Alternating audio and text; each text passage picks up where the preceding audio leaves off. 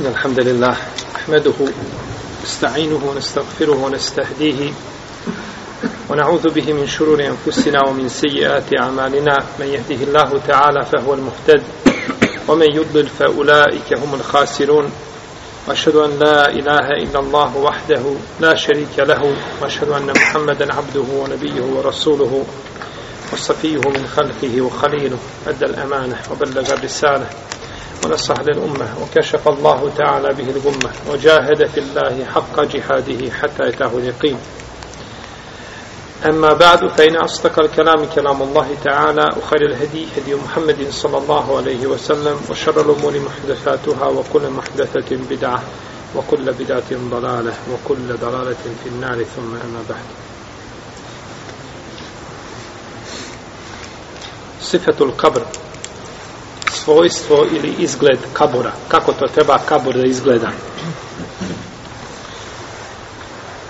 Rekao je poslanik sallallahu alaihi wasallam kako bilježi Ebu Davud i Tirmizi sa vjerodostanim lancem prenosilaca na dan Uhuda za kabur iskopajte ga i proširite ga i produbite ga i uljepšajte ga.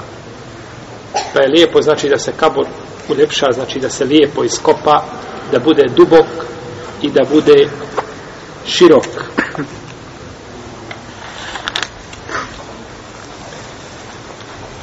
O dubini, kada se govori, kaže se uglavnom dubok da bude dovoljno. Znači, jer pokudno je ili pogrđeno je da bude kabur plitak. Pa kada bi čovjek bio negdje do kada bi kabur bio čovjeku do prsa prosječne visine ili više od toga, inšalu tala da je to dovoljna dubina. U kaburu je dozvoljeno lehd i šik. Dozvoljeno je jedno i drugo. Lehd je kada se ukopa u, sa strane prema kibli bliže do, ili do kible sa te strane kada se ukopa a, a, zareže se znači kabur s te strane gdje će doći mejt tako da on bude ovaj potpuno znači a, skriven u toj udubini koja se posebno znači iskopa sa strane koja je do kible. I onda se stavljaju znači tu čerpići. A imate šik to je na sredini kabura kao rijeka kada se ukopa. Znači na sredini kabura kada se iskopa sa sredine kabura i onda se znači stavlja stavljaju se čerpići. Vodoravno vodoravno za razliku od lehda gdje idu vertikalno. I kopanje i šika i lahda je bilo poznato, znači u vrijeme poslanika sallallahu i nakon toga. I nema razilaženja među islamskim učinjacima da je dozvoljeno jedno i drugo. Kada je poslanik sallallahu alejhi ve selleme preselio, postali su ashabi nisu znali kako da ukopaju poslanika sallallahu alejhi ve selleme, da li u lehd ili šik. Pa su postali čovjeku koji je kopao lehd, a drugom koji je kopao šik, postali su i po jednoga i po drugoga. Pa kažu koji prije dođe, neka on pristupi, znači, kopanju kabura. Pa je došao čovjek koji je kopao leh. Kaže Sad ibn Abi Waqqas, kako bilježi ima muslim u svome sahihu, iskopajte mi lahd ili lehd i uspravite čerpiće njegove kao što je učinjeno poslaniku sallallahu alejhi ve sellem.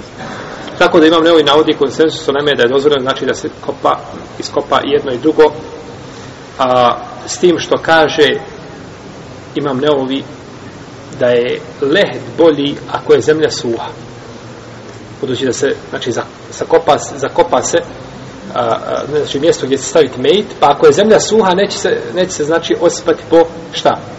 po mejtu a ako je zemlja vlažna i osipa se onda je bolje da bude u sredini jer po, po mejtu dolaze črpići, znači vodoravno tako da se neće znači ništa osipati po znači tijelu mejta.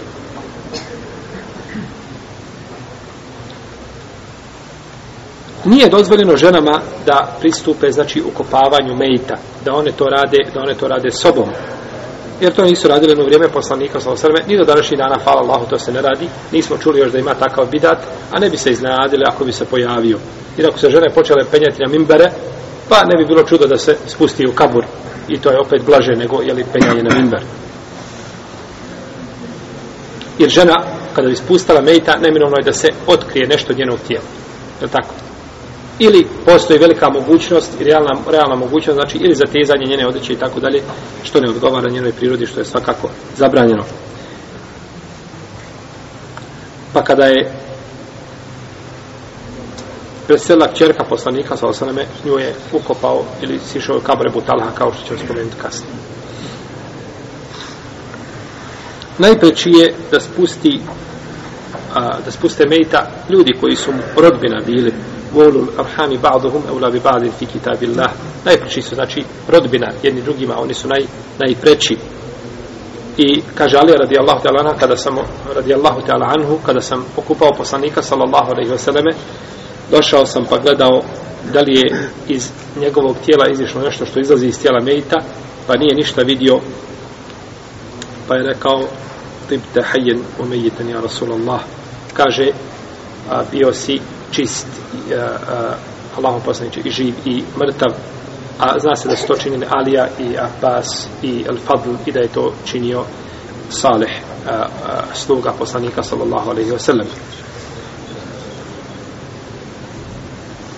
ko će spustiti ženu u kabur spustit će njena rodbina sa mu, jel, muškarci koji su bili mahremi zbog općenitosti prethodnog ajeta u ulule hami ba'duhum ula bi ba'd i zbog toga što je Omar radijallahu ta'ala kada je klanjao dženazu Zainab bintu Džahš poslao je ženama poslanika sallallahu da upita ko će je spustiti u kabur pa su kazale onaj ko je ulazio kod nje dok je bio dok je bila živa, ko je mogao ući kod nje, od njene rodbine, od mahrema, znači trajni njoj mahrema. Aisha radijallahu talana, kada je preselio poslanik sallallahu ulazila je u sobu svoju gdje je kabur poslanika sallallahu alaihi wasallam bez mahreme. Pa i kada je Ebu Bekr ukupan, opet je ulazila, kada je ukupan Omar, onda nije ulazila nego sa hijabom potpunim šarijetskim. Kaže, ulazila sam prije kod svoga kod svoga babe i kod poslanika sa osam supruga. No, međutim, kaže, kada je Omar ukopan, on je stranac. Iako Omar ne zna što se dešava na površini zemlje, ni poslanik za osaleme ne zna što se dešava na površini zemlje, no, međutim, Aisha radijallahu ta'ala nije htjela ulaziti kod a, Omera, najbolja žena, ne ulazi kod najboljeg čovjeka koji ikad kročio zemaljskom kuglom nakon poslanika i nakon Ebu Bekra, ne ulazi osim u hijabu. Pa šta onda kazati ovaj za druge mimo, mimo njih? muž je najpreći da to učini kao što je rekao poslanik sallallahu alejhi ve sellem Ajša radijallahu ta'ala anha ako preseliš prije mene i umreš ja ću te ogasoliti ja ću ti ovaj ja ću te spustiti u kabur ja ću te ukopati.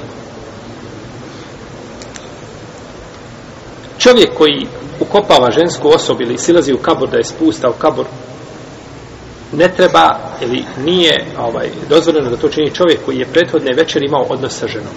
Ako je čovjek imao najveći odnos sa ženom, bez obzira što je okupao se, ne treba nakon toga da silazi u kabur, da spušta ženu u kabur, zbog toga što je poslanik sallallahu alaihi vseleme, a kada je ukopavao svoju kćerku, kaže se u jednoj predaji da je to bila Rukaja, da je rekao ima li neko od vas, od muškaraca ko nije imao odnos sa ženom prošle večeri, pa je rekao Ebu Talha imam ja, pa je rekao siđi, pa je sišao, pa je ukopao. A rekao je u drugoj predaji koji bilježi imam Ahmed, neka ne silazi čovjek koji je prethodno imao odnos sa ženom. Pa znači, ako je čovjek imao odnos sa ženom i nakon toga da se desi da ukopava e, najbližu svoju osobu, neće on silaziti u kapur, neka to čini, neka to čini neko drugi. Kako se mejit stavlja u kabor? Sunet je da se mejit stavi u kabor sa strane, da se spusti u kabor sa strane gdje mu ostaju noge. Znači, kada se spusti sa te strane gdje mu biva noge, odatle se znači mejit spusta, spusta u kabur. Kaže Ebu Ishak da je dženazu klanjao uh, El Harisu da je klanjao dženazu Abdullah ibn Zaid i da ga je spustio sa strane odakle dolaze noge i rekao je ovako je sunnet ovako je sunnet i upravo bilježi Ebu Davud sa ispravnim lancem prenosilaca a kada kaže sahabija da je nešto sunnet, onda se to misli na sunnet poslanika, poslanika o čemu smo više puta govorili. Mejt se spolaže u kabur na desnu stranu. Znači na desnu stranu, na bok. Na bok, znači desne strane se položi, on biva na bok, ispravi se, znači, i biva na boku desne strane. I tako se muslimani, kaže Ibn Hazm, tako se muslimani ukopavaju kod svih muslimana od vremena poslanika sa do današnjeg dana. A Ibn Hazm je umro u petom iđarskom stoljeću. To je danas preprano toliko da ćete rijetko naći ovaj gdje da se tako mejt ukopava, možda ćete naći u Saudijskoj Arabiji. I rijetko na drugim mjestima da ćete naći da se mejt ukopava na ovakav način. Što je znači jasno i vidno odstupanje od prakse poslanika sallallahu alejhi ve selleme a bilo je vidimo do 5. hidžrskog stoljeća da se muslimani nisu drugačije okupavali pa čak i Ibn Hazm koji je živio gdje? U Endelusu Endelus znači ni do tog znači vremena nije se taj sunet nije bio promijenio kada ga spusta u kabor reče Bismillah wa ala sunnati Rasulillah ili će kazati ala millati Rasulillah kada se spusta žena u kabor, pokriće se. Kada se spusta žena u kabor, kabor će se pokriti. Tako se negdje radi kod nas, je tako? Je tako nije tako? Niste vidjeli nikada se kabor pokriva žene kada spusta? Niste vidjeli. Ja sam čuo da se to tako radi, no međutim, ako niko od vas nije vidio, znači da je rivajet slab u svakom slučaju gledao sam to u Jordanu znači žena kada spusta dekom se prekrije kabor nakon što se zatrpa ne, ne, ne, ne, ne. nakon pri spustanju znači ljudi kada se stavi pod i stavi se deka i kako se mejt spusta dole tako se deka stavlja na kabur i ne vidi se znači dok se ne ovaj ne zatvori čerpić tako da ne bi slučajno radi otkrivanja kaže Ibnu Kudame da nema razilaženja među fakihima da se ovako radi ne znam, kaže, razilaženje među lemom da se da se tako postupa. I o tome imaju predaje od Selefa. I kod muškarca kažu malikijski pravnici i kažu hambelijski i hanefijski pravnici da se i kod muškarca pokriva kavala. Da se spusta. Šafijski kažu da ne pokriva. Ispravno više je šafijski pravnika kada to nema osnove. A za ženu postoji korist ili razlog u koja se pokriva, to je slučaj da se ne bi šta otkrilo nešto od njenog tijela. U svakom slučaju, ono gdje se ulema složila, to ne smeta praktikovati, a što tiče pokrivanja muškarca, ispravno je više je šafijski pravnika, to nije sunnet. Nakon ukopavanja, lijepo je da se sa glave mejta prema nogama tri puta svako, znači da uzme i da baci zemlje. Da uzme zemlje u ruku, šaku i sa glave, od glave prema nogama ovako da baci tri puta. Jer je tako činio poslanik sallallahu alaihi wasallame kako je došlo u prodaj kod Ibnu Mađe. To je prije čega? Prije nego što se počne zemlja stavljati, znači u kabur. Vraćate u kabur, jel? Kabur će se dići, izdiće se, znači od zemlje, ali za visinu jednog pedlja. Neće više od toga. I bit će uzdignut ovako, poluluk, jer se navodi u hadisu kod Džabira da je poslanik sa osram je tako napravio sa njegovim kaburom i da je dignut otprilike u visini jednog pedlja. I rekao je poslanik sa osram ali nemoj proći pored jedne slike a da je ne, ne, ne potjepaš i nemoj proći ni pored jednog uzvišenog kabura a da ga ne poravnaš. I kaže Sufjan i Brutemar vidio sam kabur poslanika sa osram da je u tom obliku. Znači vidio sam kabur da je u tom obliku. Danas ćete naći slike na internetu. Ne znam, možda neko tražio kako izgleda kabor poslanika. To je sve batil. Sve što ima od slika je batil. Izmišljotine, dežalska posla.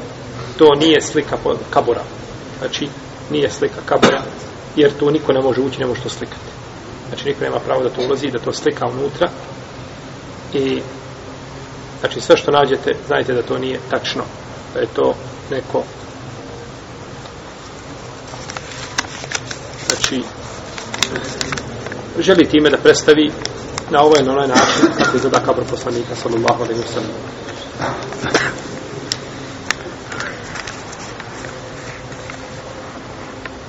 Dozvoljeno obilježiti kabur sa jednim kamenom ili slično tome kako je radio poslanik sallallahu sa Osmanom ibn Mazonom kada je rekao jednom čovjeku da donese kamen pa nije mogao ga donijeti, bio je poveći kamen, pa je poslanik sa osvrame zavrnuo svoje rukave i otišao i donio on taj kamen, sallallahu alaihi sallam, kaže da se zna kabur brata muslimana i da se može ukopati onaj ko želi od bližnjih pored njega.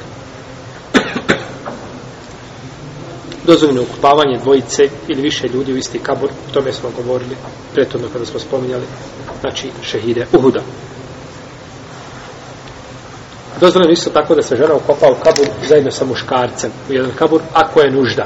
Znači nužda nema izbora drugoga, nego da moraju jedan kabur, onda je dozvoljeno znači da se ukopaju jedan kabur kaže Vatel ibn Leska ili prenosi se od njega da je rekao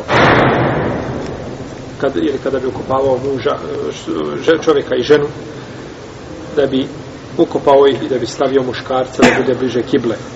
A imam šafija kaže da se može ukopati ako je nužda, no međutim između njih se kaže treba napraviti pregrada od zemlje. U redu, pregrada se napravi od zemlje, ako je kabor širi između njih dvoje, znači mora staviti obavezno između njih kineski zid, je tako? Ne mogu biti muškarac i žena skupa čak ni u kabor. Kako mogu biti na dunjalu? Jer muškarci koji su i žene koji su koji nisu vezani ni krvno, ni rodbinski, ni tazvinstvo. A, izražavanje saučešća porodici umrlog.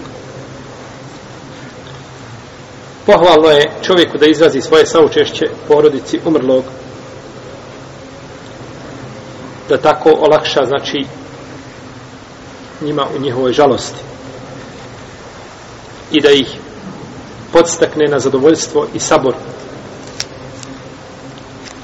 To može učiniti bilo kakvim riječima koje će, znači, a, smiriti porodicu umrlog. A to je činio poslanik sa osam riječima Lillahi ma ahade, u lillahi ma a'ta, wa kullu šina indahu ila ađele musemma, fel tasbir wa tahtesib. Allahu pripada ono što je dao i ono što je uzeo, kod njega sve ima svoj određeni rok, pa stoga se strpi i očekuje nagradu kod stvoritelja Azeođel. I kazao je poslanik sallallahu alaihi sallam u hadisu, koga je dobrim ocenio šeh Albani, ko izrazi saučešće svome bratu muslimanu, na musibetu koji ga je zadesio, uzvišeni Allah te barak je otela će ga na sudnjem danu, ogrnuti ogrtačem, zelenim ogrtačem,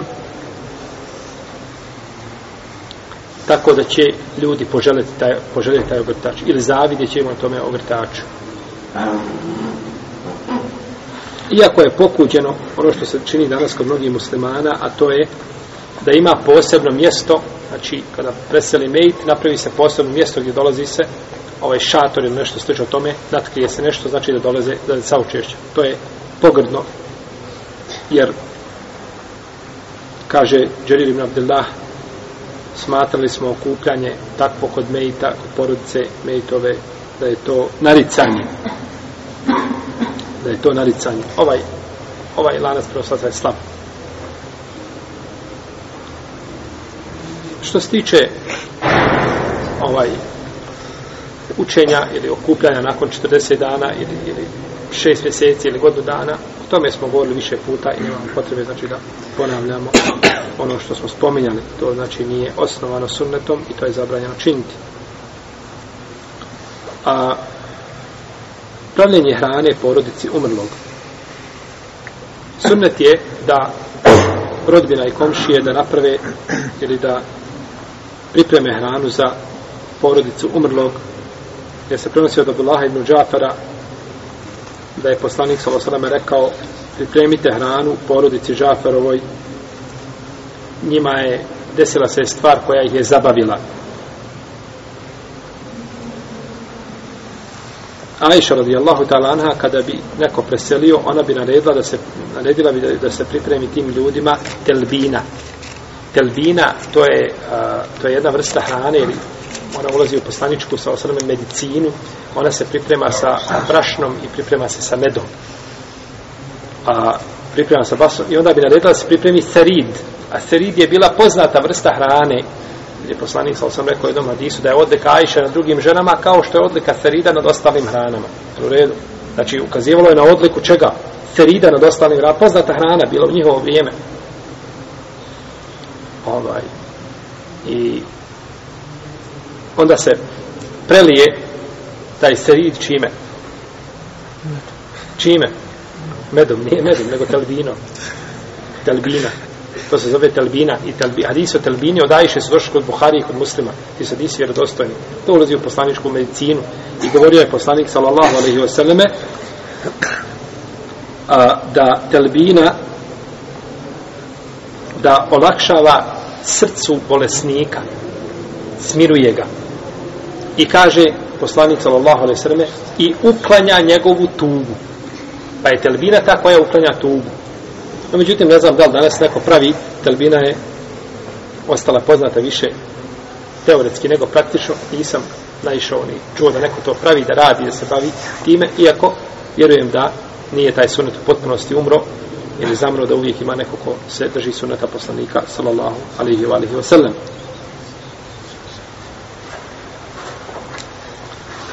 Pa je sunet da ljudi pripreme hranu porodici Mejta. A, ja ću vam samo kratko pročitati šta smo ovdje spominjali kada je u pitanju priprema hrane za porodicu umrlog. Sunet je pripremiti hranu za porodicu umrlog. Abdullah ibn Džafar kaže da je Allahu poslanik s.a.v. rekao pripremite hranu za Džafarovu porodicu, snašla ih je nevolja. Na osnovu ovoga hadisa imam Ebu Davud je naslovio poglavlje priprema hrane za obitelj umrlog. A imam Ibn Mađe je naslovio cijelinu hrana koja se šalje porodici umrlog. A imam El Beheqi je dao jedno poglavlje naslov šta se priprema od hrane za porodicu umrlog. I vidimo da je ovdje da su svi hadijski stručnjaci koji zabilježu ovaj hadis razumijeli iz hadisa da treba šta? Pripremiti hranu za porodicu umrlog i tu nema nikakvog spora, to je, to je jasno, razumljivo iz hadisa. Znači, to je potpuno u suprotnosti onome što se radi danas. Znači, u nekim mjestima je to više li, liči na nekako veselje, ne znam sad da li je svadba ili je žalost kada prođe znači, pored kuće Neita. Hanetijski učenjak Ibn Hammam on ima svoje djelo koje zove Šerhu Fetel Kadir to je jedno od najpriznatijih Al-Mebsut, Ibdaju Sanaja i Al-Hidaje i druga djela, to je najpriznatije djelo Hanefijskog fika. Kaže ovako, pokuđeno je ići na obrok porodici umrlog, jer je gozba, jer se gozba priprema u veselju, ne u žalosti, ovaj ili ovakva gozba je ružna novotarija. I nije rekao novotarija, nego kaže ružna novotarija.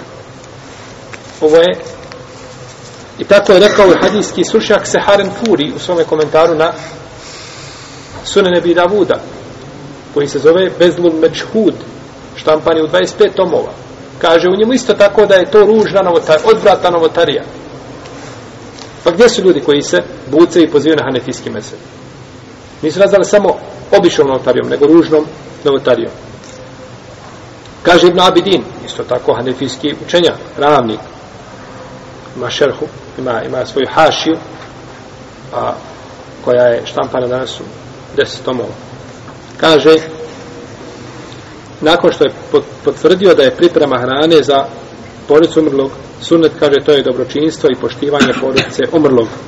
Treba ih uporno nagovarati da jedu, jer će se njihova tijela usred žalosti, e, ponuće se žalosti, slomit će se. Znači, hanefijski učenjaci govore znači o ovome postupku i osuđuju ga.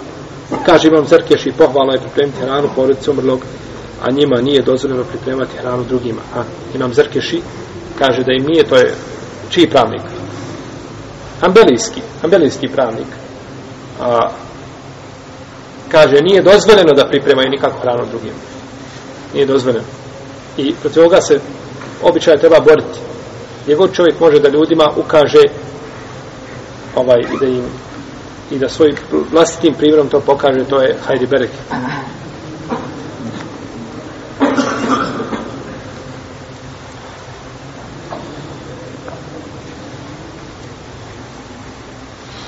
Šta koristi mejtu nakon smrti?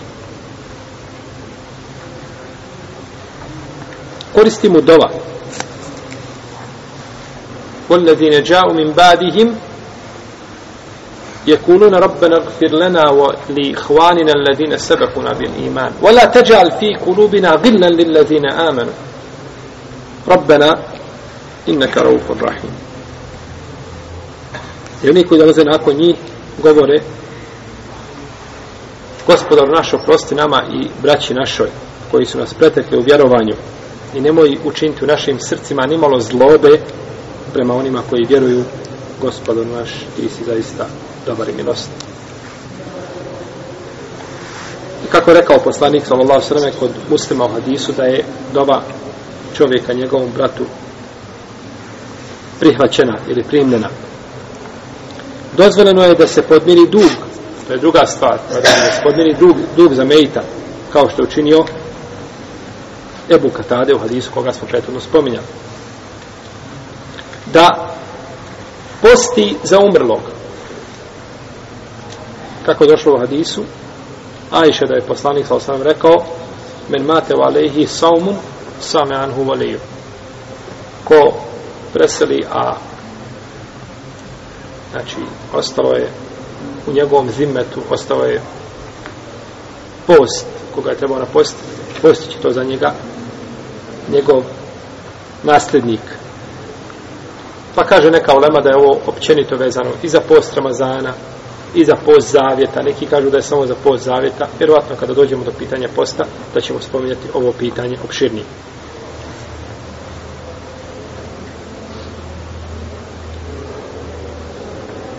Ako je post zavjeta, dozvoljeno je, zato je došao poseban dokaz kod Buhari kod muslima. Ima mejt koriste od onoga što čini njegovo dijete nakon smrti njegove Našto ako je otac bio razlogom da odgoji lijepo to svoje dijete i da ga podstakne na činjenje dobra.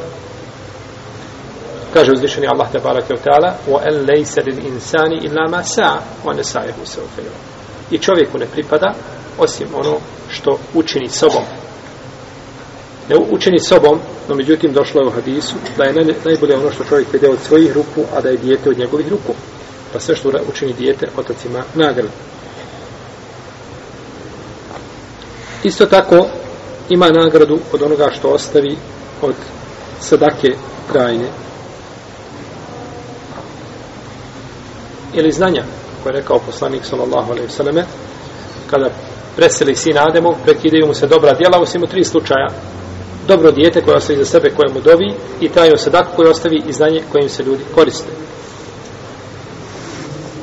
Kakav je propis učenja ili poklanjanja Kur'ana mrtvoj osobi? Imam Šafija kaže da to nije ispravno i da se vapimo ne dolaze, dokazujući ovim ajetom, mojen lejsa ili nisani ila masa, i čovjeku ne pripada osim ono što, šta? Učini. Dokaže većina uleme da dolaze se vapi do čovjeka kome se uči Kur'an nakon njegove smrti. I ovaj ajet ne može poslušati kao argument. Mi smo prethodno kazali da dijete ako učini nešto dobra ima šta? Roditelj korist. A učenje Kur'ana je dobro. Pa zbog čega praviš razliku učenja Kur'ana i druge stvari. Tako da ajet ne može nikako poslušati kao argument. Najjači ovdje argument bi bio da kažemo da to nisu činjela prve generacije. Iako je učenje Kur'ana pohvalna stvar i da je učenje Kur'ana znači bereket i da je učenje Kur'ana znači bilo poznato kod Selefa, no međutim nisu praktikovali šta? Da se uči Kur'an, da se uči mail to je to bi bio jači argument na ome mjestu. Stoga nije poslanik sa osanem ukazao znači da se uči Kur'an mrtvome nego je nakon dženaze rekao sada tražite oprosta vašem bratu jer on je sa, šta? Sada je pitan sada je na ispitu, sada mu tražite oprosta i dovite za sebat ili za učvršćenje, a nije rekao sada mu proučite patihu iako je Fatiha bolja od bilo kakve dove, tako. No, međutim, sve ima, znači, svoje mjesto. Kada je Aisha radijallahu ta'ala kazala šta da kažem Allahu posljednič kada dođem do kabura, rekao je, pa je poučio dobi, pa je se uči, znači, kada se dođe do kabura.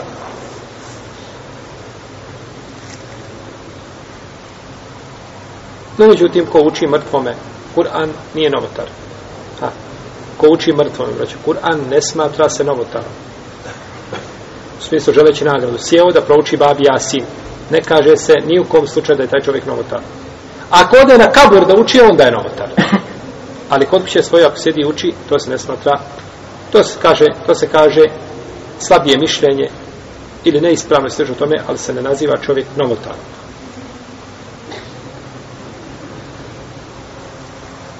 Posjeta kaburovima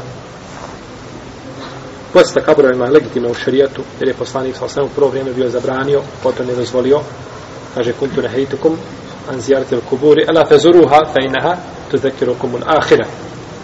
Ja sam vam bio zabranio posjećivanje kabura, a sada ih posjećivati, jer kaburi posjećuju ahiretu. Što se tiče žena i posjećivanja kabura, imate tri mišljenja. Ili imamo tri mišljenja. Imamo mišljenje da je haram, da je mekruh i da je dozvoljeno. I ispravno je treće mišljenje da je dozvoljeno i da u tome nema čak ni kerahijeta, ni ni pokuđeno. Ženama je dozvoljeno da idu na kabur i da posjećuju kabur. Suprotno ambelijskoj pravnoj školi koja kaže da je to haram.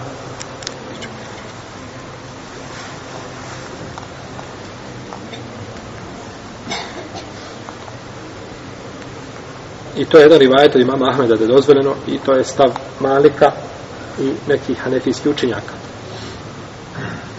Imamo za to dokaza nekoliko. Prvo dokaz kada je poslanik sa osanem prolazio pored one žene koja je bila pored kabura pa plakala. Pa kad je rekao poslanik sa osaneme, kaže ilejke anni bježi, kaže tebe nije snašlo ono što je mene snašlo.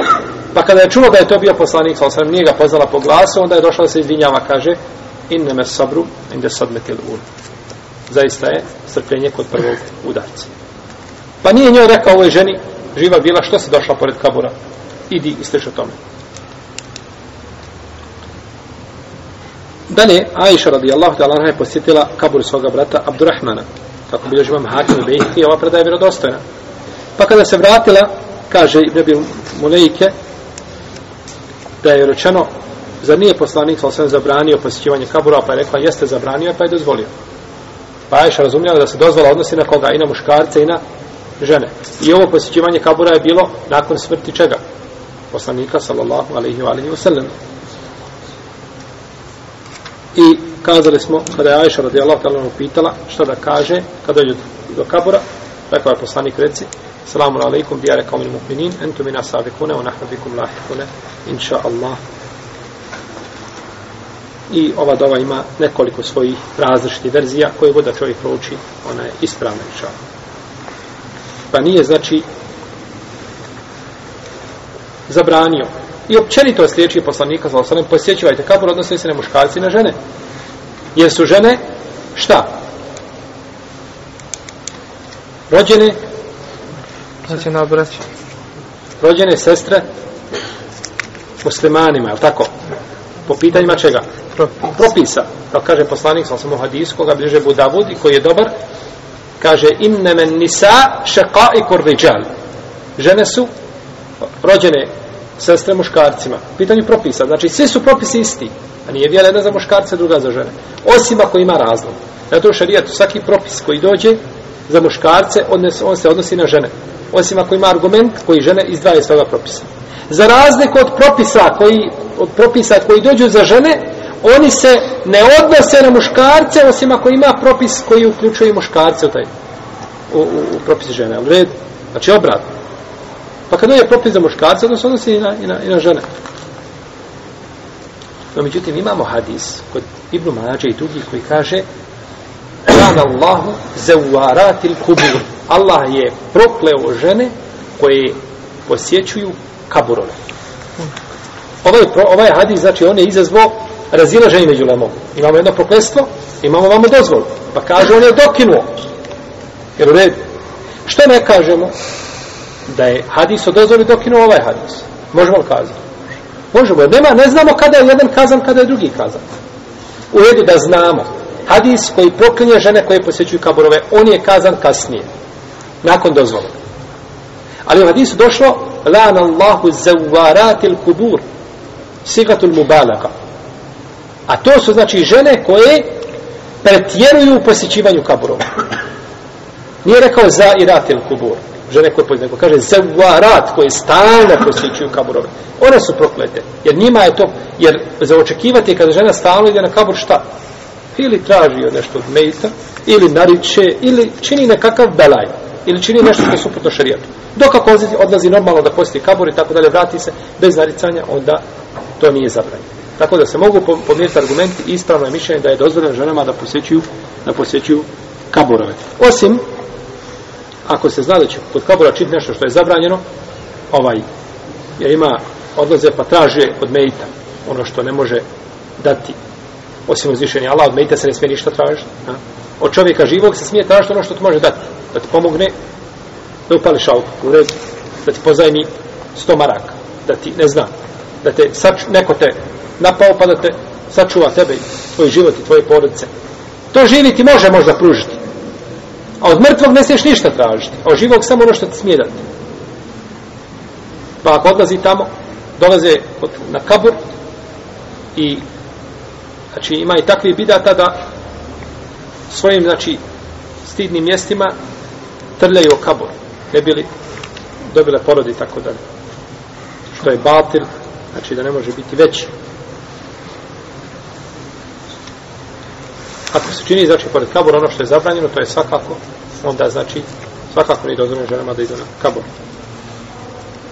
I nije dozvoljeno da ide na kabur razgolićena u redu. Znači vidjet ćete u mini suknici stane pored kabura i uči fatih kakva fatiha živa bila? Ti zuna prvo da se pokriješ.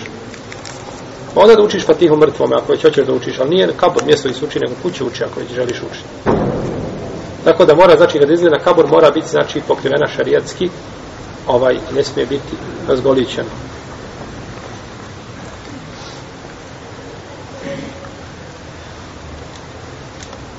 Ovim je autor završio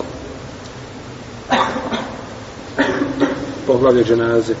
Mi smo završili prvi tom ove knjige. Moleći Allah te barak otala da se koristimo onim što smo čuli i da nam to bude dokaz za nas, a ne protiv nas i da znanje šarijetsko bude svjetilika koja će nas voditi našem životu. A o narednom druženju ćemo početi inša otala sa drugim tomom i novim poglavljem, to je poglavlje zekijata. Ako nas Allah poživi, inša Allah ta'ala.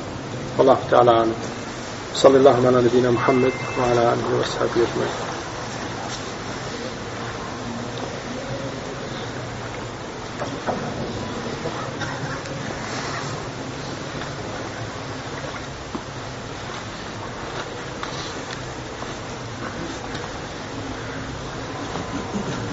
Ima pitanja vezani za dženazu, budu.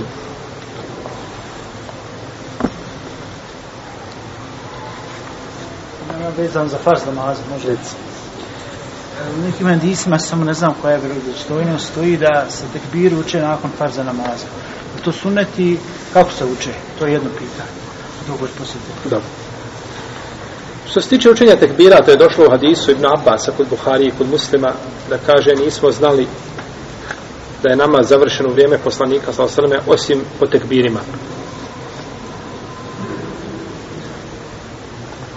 No, međutim, većina islamskih učenjaka smatra da to nije sunnet, da je to dokinuto. Imam šafija, kaže da je to bilo jedno vrijeme zbog poučavanja i nakon toga da je to dokinuto. Tako da praksa ne znam da je iko ikada od ashaba učio tekbire nakon namaza. Jeste, tačno hadisu kod Buhari i muslimu nisu vjerodostojni. Jedan dio uleme je kazao da se može raditi po njima. Da se radi po tim hadisima. Mislim čak da je to više baza. Da se može raditi, ali ono što je poznato kod uleme jeste da se ne radi po tim nisu došli, nisu došli znači ovaj precizno tekbiri nisu definisani kako su donošeni. Drugo pitanje, isto vezano za farz namaz, da li se može ovaj na seždi učiti na našem jeziku ovaj dova pogotovo na farz namazu? Preče je učiti na arapskom jeziku. Namaz je od tekvira do selama na arapskom jeziku.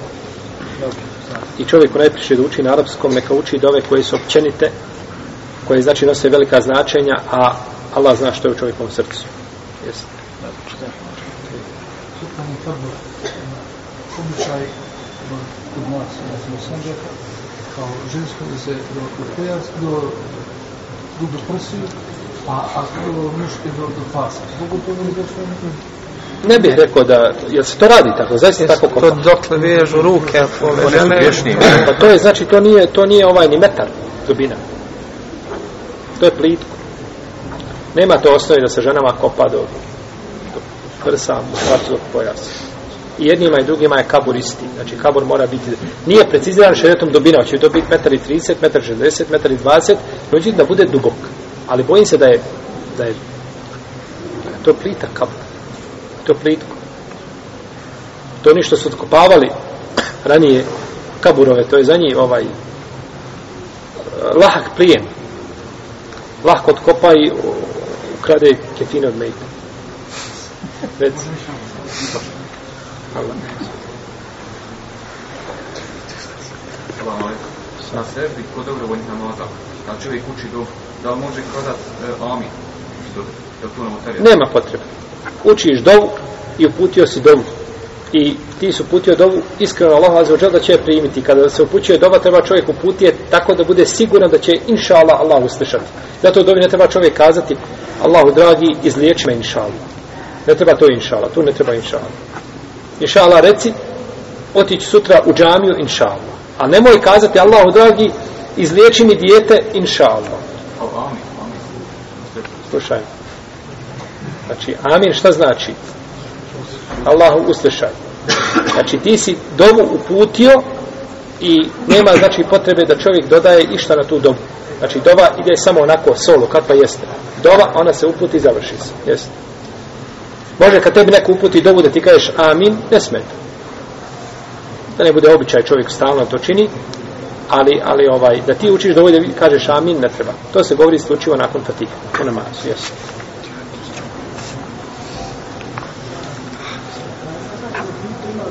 Nije sunnet da se kaže salamu alaikum. Samo se postavi pitanje. Reci. Ja znači pita ima dužu kosu, ovaj, ko hoće zaveže pletenca, pa nam pita kad bude klanju, hoće li razvezati ili će ponekad kako. Neka dođe da i prvo skratimo, pa onda neka razveže. Kada razveže u namazu, čovjek duže u namazu razveže kosu, ne treba biti kosa vezana u namazu. I pustanje duge kose nije od sunneta. Kosa da pada, da bude duža od ramena nije od sunneta. Neka ulema je to zabranila, jer se time, ja sam pitao lično doktora Halda Septa, prije jedno dvije godine sam bio na jednom seminaru u Mekki, i pitao sam Halda Septa, doktora, veliki alim današnjice, po pitanju velike kose kaže to je simbol velikih griješnika i pokvarenjaka i Allahovi neprijatelja. To čovjek ne treba da nosi. Duga kosa, znači, neka bude do ramena, ako je do ramena, tu da ne bude preko ramena. Jesu. Znači, ako je do ramena ima pletenca, šta je s tim? Ne može imati potenca ako je do ramena. Ne treba kosa biti vezana u namazu, treba kosu da znači pusti da pada. I ne znam pletenica ovaj, je li pletenica opće od mu- muškarci koji prave pletenice? To je sporno samo po sebi. Muškarac veže kosu namazu je razveže, ali da plavi pletenica, pletenica to je žeto ponašanje ženje. Jeste. Dva pitanja ši. Kao prvo čuo sam da ima ovaj autor A Amr ibn Halid, da njegove knjige baš nisu sahih, to sam čuo. Amr Halid, dobro. I drugo pitanje, ovo obilasci kaburova, recimo za Bajram i po nekim određenim danom, ali tu to mi nije. Što se tiče Amra Halida, to je jedan ovaj daja jel današnjice koji je ovaj, često je prisutan znači, na, na, na, sceni, bilo na televiziji, na radiju i piše makar svoje neka djela napisana i čovjek je bez sumnje želi dobro i želi hajr i ovaj njegov nijet je uz Allahovu pomoć ispravan onome što čini. No međutim problem je kod Halda Lamra prvo što nema šarijetskog znanja. O vjeri se braćo ne može govoriti iz emocija. Ne može čovjek biti ovaj emotivna ličnost i nakon toga priča o vjeri. U vjeri nema emocija. A, jel u redu? U vjeri kada bi došao muž i žena i imaju desetaro djece sve jedno drugom douha a najstarije drugi razred i on je tri puta pustio i dođu i plaću jedno i drugo kažu pa šta ćemo sa djecom kažemo morate se rastati da imate još toliko tri puta jel u redu znači nema emocija vjera nema emocija imaju emocije gdje se trebaju pokazati ali kad su propisi u šarijetu nema emocija Tako i propisi u vjeri. Nema emocija. Ha? Ne može se znači kazati ovaj i, i radi se ono što radi Amr Halid. I njegovo znači samo okupljanje okupi žene s jedne strane, muškarce s druge strane ovaj miješanje znači muškaraca i žena i islamski učenjaci su prigovarali znači na ono što on radi. Tako da ne treba čitati njegove knjige, ne treba ih prevoditi. Mi ostavljamo dijela naše uleme hanefijske. Ha. Hanefijske uleme, ono ovdje je hanefijski mezeb. Alimi koji su pro, prolazili, prototnjali i, i, i svjedoči im, znači, umet da su bili imami. Mi ostavljamo njihova djela, prevodimo djela čovjeka koji nije dana ušao na šarijatski fakultet, niti je dana sjedio pred ulemom na povijeni koljena. Pa zar to nije promašaj? Zar nije promašaj prevoditi, prevoditi tefsir Sejda Kutba, a ostaviti tefsire koji su prije toga prevedeni tefsiri eh, Ehlu Sunneta koji su ljudi priznali tako dalje. Sejd Kutb je islamski mislilac. Čovjek, ali nije bio alim. Nije bio alim.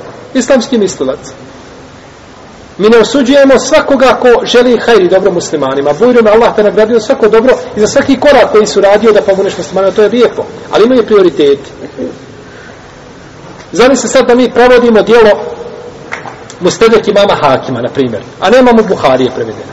To je promašaj, iako je Hakimova knjiga priznata i u redu, no međutim imaju nekakve prioritete. Tako da ne treba, znači, ovaj, ne treba nama pričati o vjeri ni Amr Halid, ne treba nama pričati ni Jahja, kako se zove onaj? Taj nikako. Harun, Jahja i tako dalje. Imamo islamsku ulemu, znači koja je prisutna i koja piše i koja govori i njih se treba čovjek držati.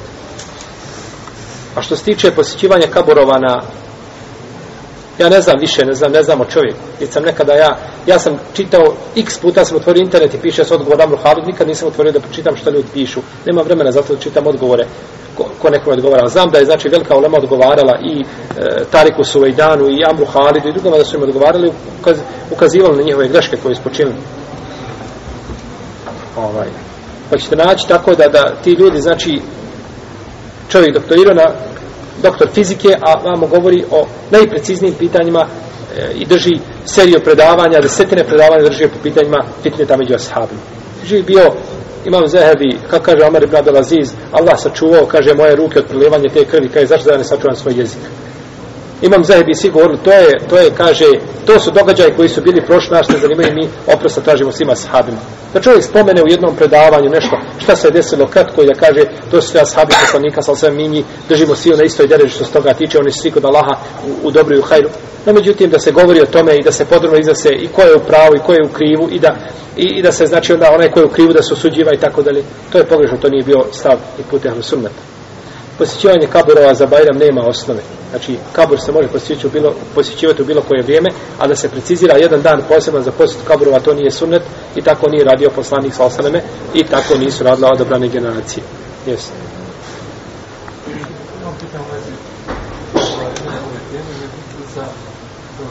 Čitao sam gdje se poslanik sa osaneme, kad pročito uče, na primjer, na namazu, a ajte koji govori kasno.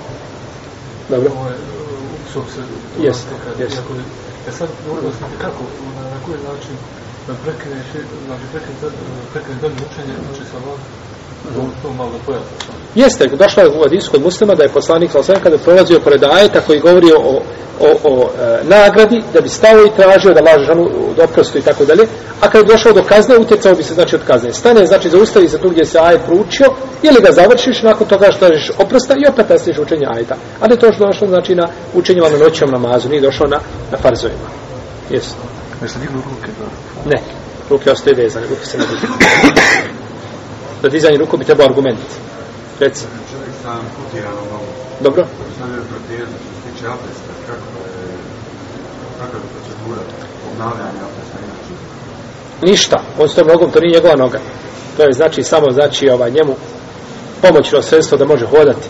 To nije noga, to se ne pere ništa.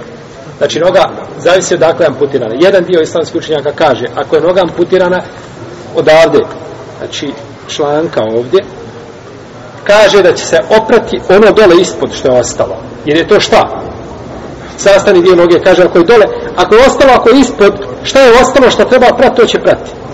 Da opere ovaj dio gore, to je sunnet, može oprati, a ne mora. Jel u redu? Znači, da opere gore, ako je od članka ili iznad članka, ne mora gore prati. Ako je preko članka ili ispod članka, onda kažu može onaj donji dio samo oprati, znači koji je ostao, dole je za vas, onda to samo opere. No, međutim, ispravno da to nije dužnost prati. Jer taj dio se šta? Ne pere, nis ga dužan prati. Nis ga dužan prati. A ako je nešto ispod toga, onda šta je ostalo to pere. A ako je sve preteza do pola ili do, do koljena i tako dalje, i da ima preteza da sablesti, ne mora ni potirati, ni ništa, to ne ulazi nikakav propis. Ne mora potirati, to nije noga. On ne potire po nozu, potire po komad drveta, u redu. To nije noga. Allahu. Ako bi potro već pokvati njegov, ili opro već pokvati, da bi u svakom slučaju, ali nije dužan, to ne pripada njemu. Jel u redu?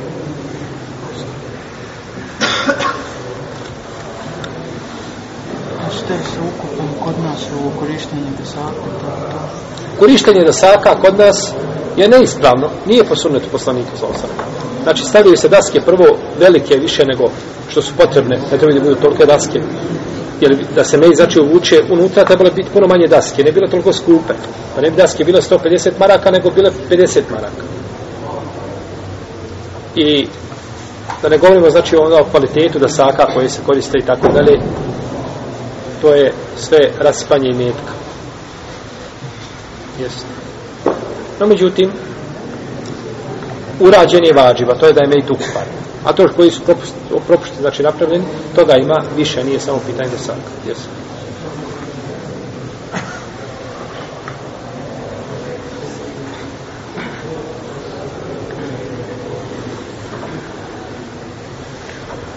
Bi li bilo preći da se izradi mail onoga kako sad kod nas, kad neko ti umre u porodici, sad ti nećeš to dovedu do, do krivo stigo, to Jeste, večera, međutim, zavisno kako se praktikuje. Negdje to ide, znači obavezno ide ovaj sa tabutom u mezar.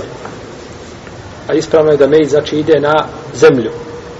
Džabir ibn Abdullah kada je svoga babu otkopao Abdullaha koji je poginuo na bitci na Uhudu prvi je bio šehid kada ga otkopao, otkopao nakon šest mjeseci kaže boja mu se jednog uha samo bila promijenila zato što je došla na zemlju Mejt ide na zemlju direktno nema potrebe.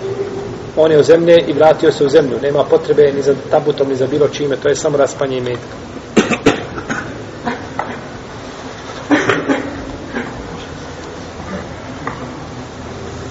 A, za građenje i spomen ploča je ono za od mermera i ono Haram. kod nas je to sad haram. Haram. Ko to god uradi griješan je. Haram ne smije to je ponašanje kršćana nevjernika. Zato kad prođete pored muslimanskog ima jedno mezare neću vam ja govoriti gdje u ovom našem jadu ovdje. Kada kada sam prošao pred njega mislio sam da je Vlaško. A u stvari to je mezar je šehida. Sve ljudi znači koji su poginuli u ratu jedan je ukopavali i nakon rata su onda je došao je tetak iz Švicarske i došao je Amidža iz Njemačke i došao je tetka je došla iz dakle ona je izbila dakle sa zapada. I onda znači spomen ploču mu sagradila jel tako da.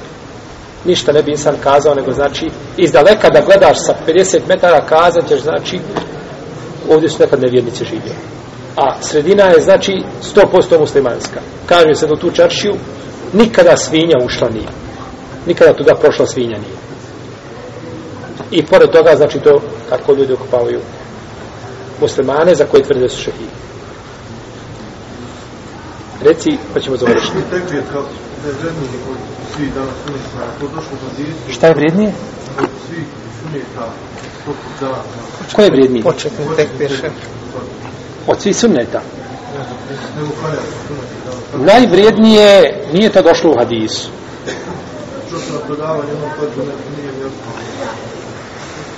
kaže Allah te barak je u hadis kudci naj, naj a, preča stvar kojom mi se moj rob približava je ono što sam mu propisao.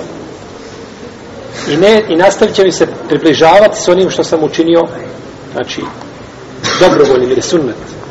Pa je propisana stvar najbitnija za čovjeka. I nikada se ne može propisana stvar mjeriti sa dobrovoljnom. Jel u redu? Pa je propisana i namaz bolji namaza cijele večere da klanjaš propisani namaz je jedan bolji početni tekbir ti je bolji od dobrog namaza Zato što on propisan, a ovo je dobrovoljno. Ovo ne moraš. A ovo moraš, od ovoga to visi vjera. Jesi musliman ili nisi musliman. Pa iz toga ova je, znači jedna sežda na dobrovoljnom namazu ti je bolja nego cijelo večer da provedeš na seždu. Je u redu? S te strane. A nema hadisa koji bi ukazao. Možda može neko kazati, ne, ne, bolji je dobro, cijelo večer da klanjaš, imaćeš veću nagradu, nego da nećeš imati veću nagradu, zato što, zato što je uzvišen Allah to propisao. I od toga ti ovisi ovo drugo. Ako ne budeš imao farza, neće ovo drugo biti primljeno nikada. Reci. Šta je to mezarima, recimo, pošto je lako i bari da su kršćansko groblje i muslimansko, da li treba da bude muslimansko potpuno odvojeno? Treba ga odvojiti sa zidom koji je visok 8 metara i širok tri. Znači muslimansko mezare se mora odvojiti od nemuslimanski. Nemuslimani imaju svoje mjesto gdje su kupavaju, muslimani imaju svoje. Ne, to ko je uradio, grešku je načinio. Spajanje, znači približavanje mezara, ne. Na jednoj strani grada imaju nevjernici svoje mezare, u svojoj zemlji muslimani imaju svoje zemlje. I svako slijedi svoju vjeru, svako skopao svoje, nikakvo približavanje. To je kako, kao da bi napravili crkvu i džamiju jedno uz drugo, jedan je zid u sredini. Jel u redu? S ove strane, ko će da uđe u džamiju ulazi, ko će da uđe u crkvu ulazi, tako? Muslimani imaju svoje, i to nikada nije bilo. I ne znamo odakle je to, to je, to je zabranjeno. To nije ispravno šarijetski. Allah ta'ala, sallallahu ala nebina Muhammad. Wa ala alihi wa sallam.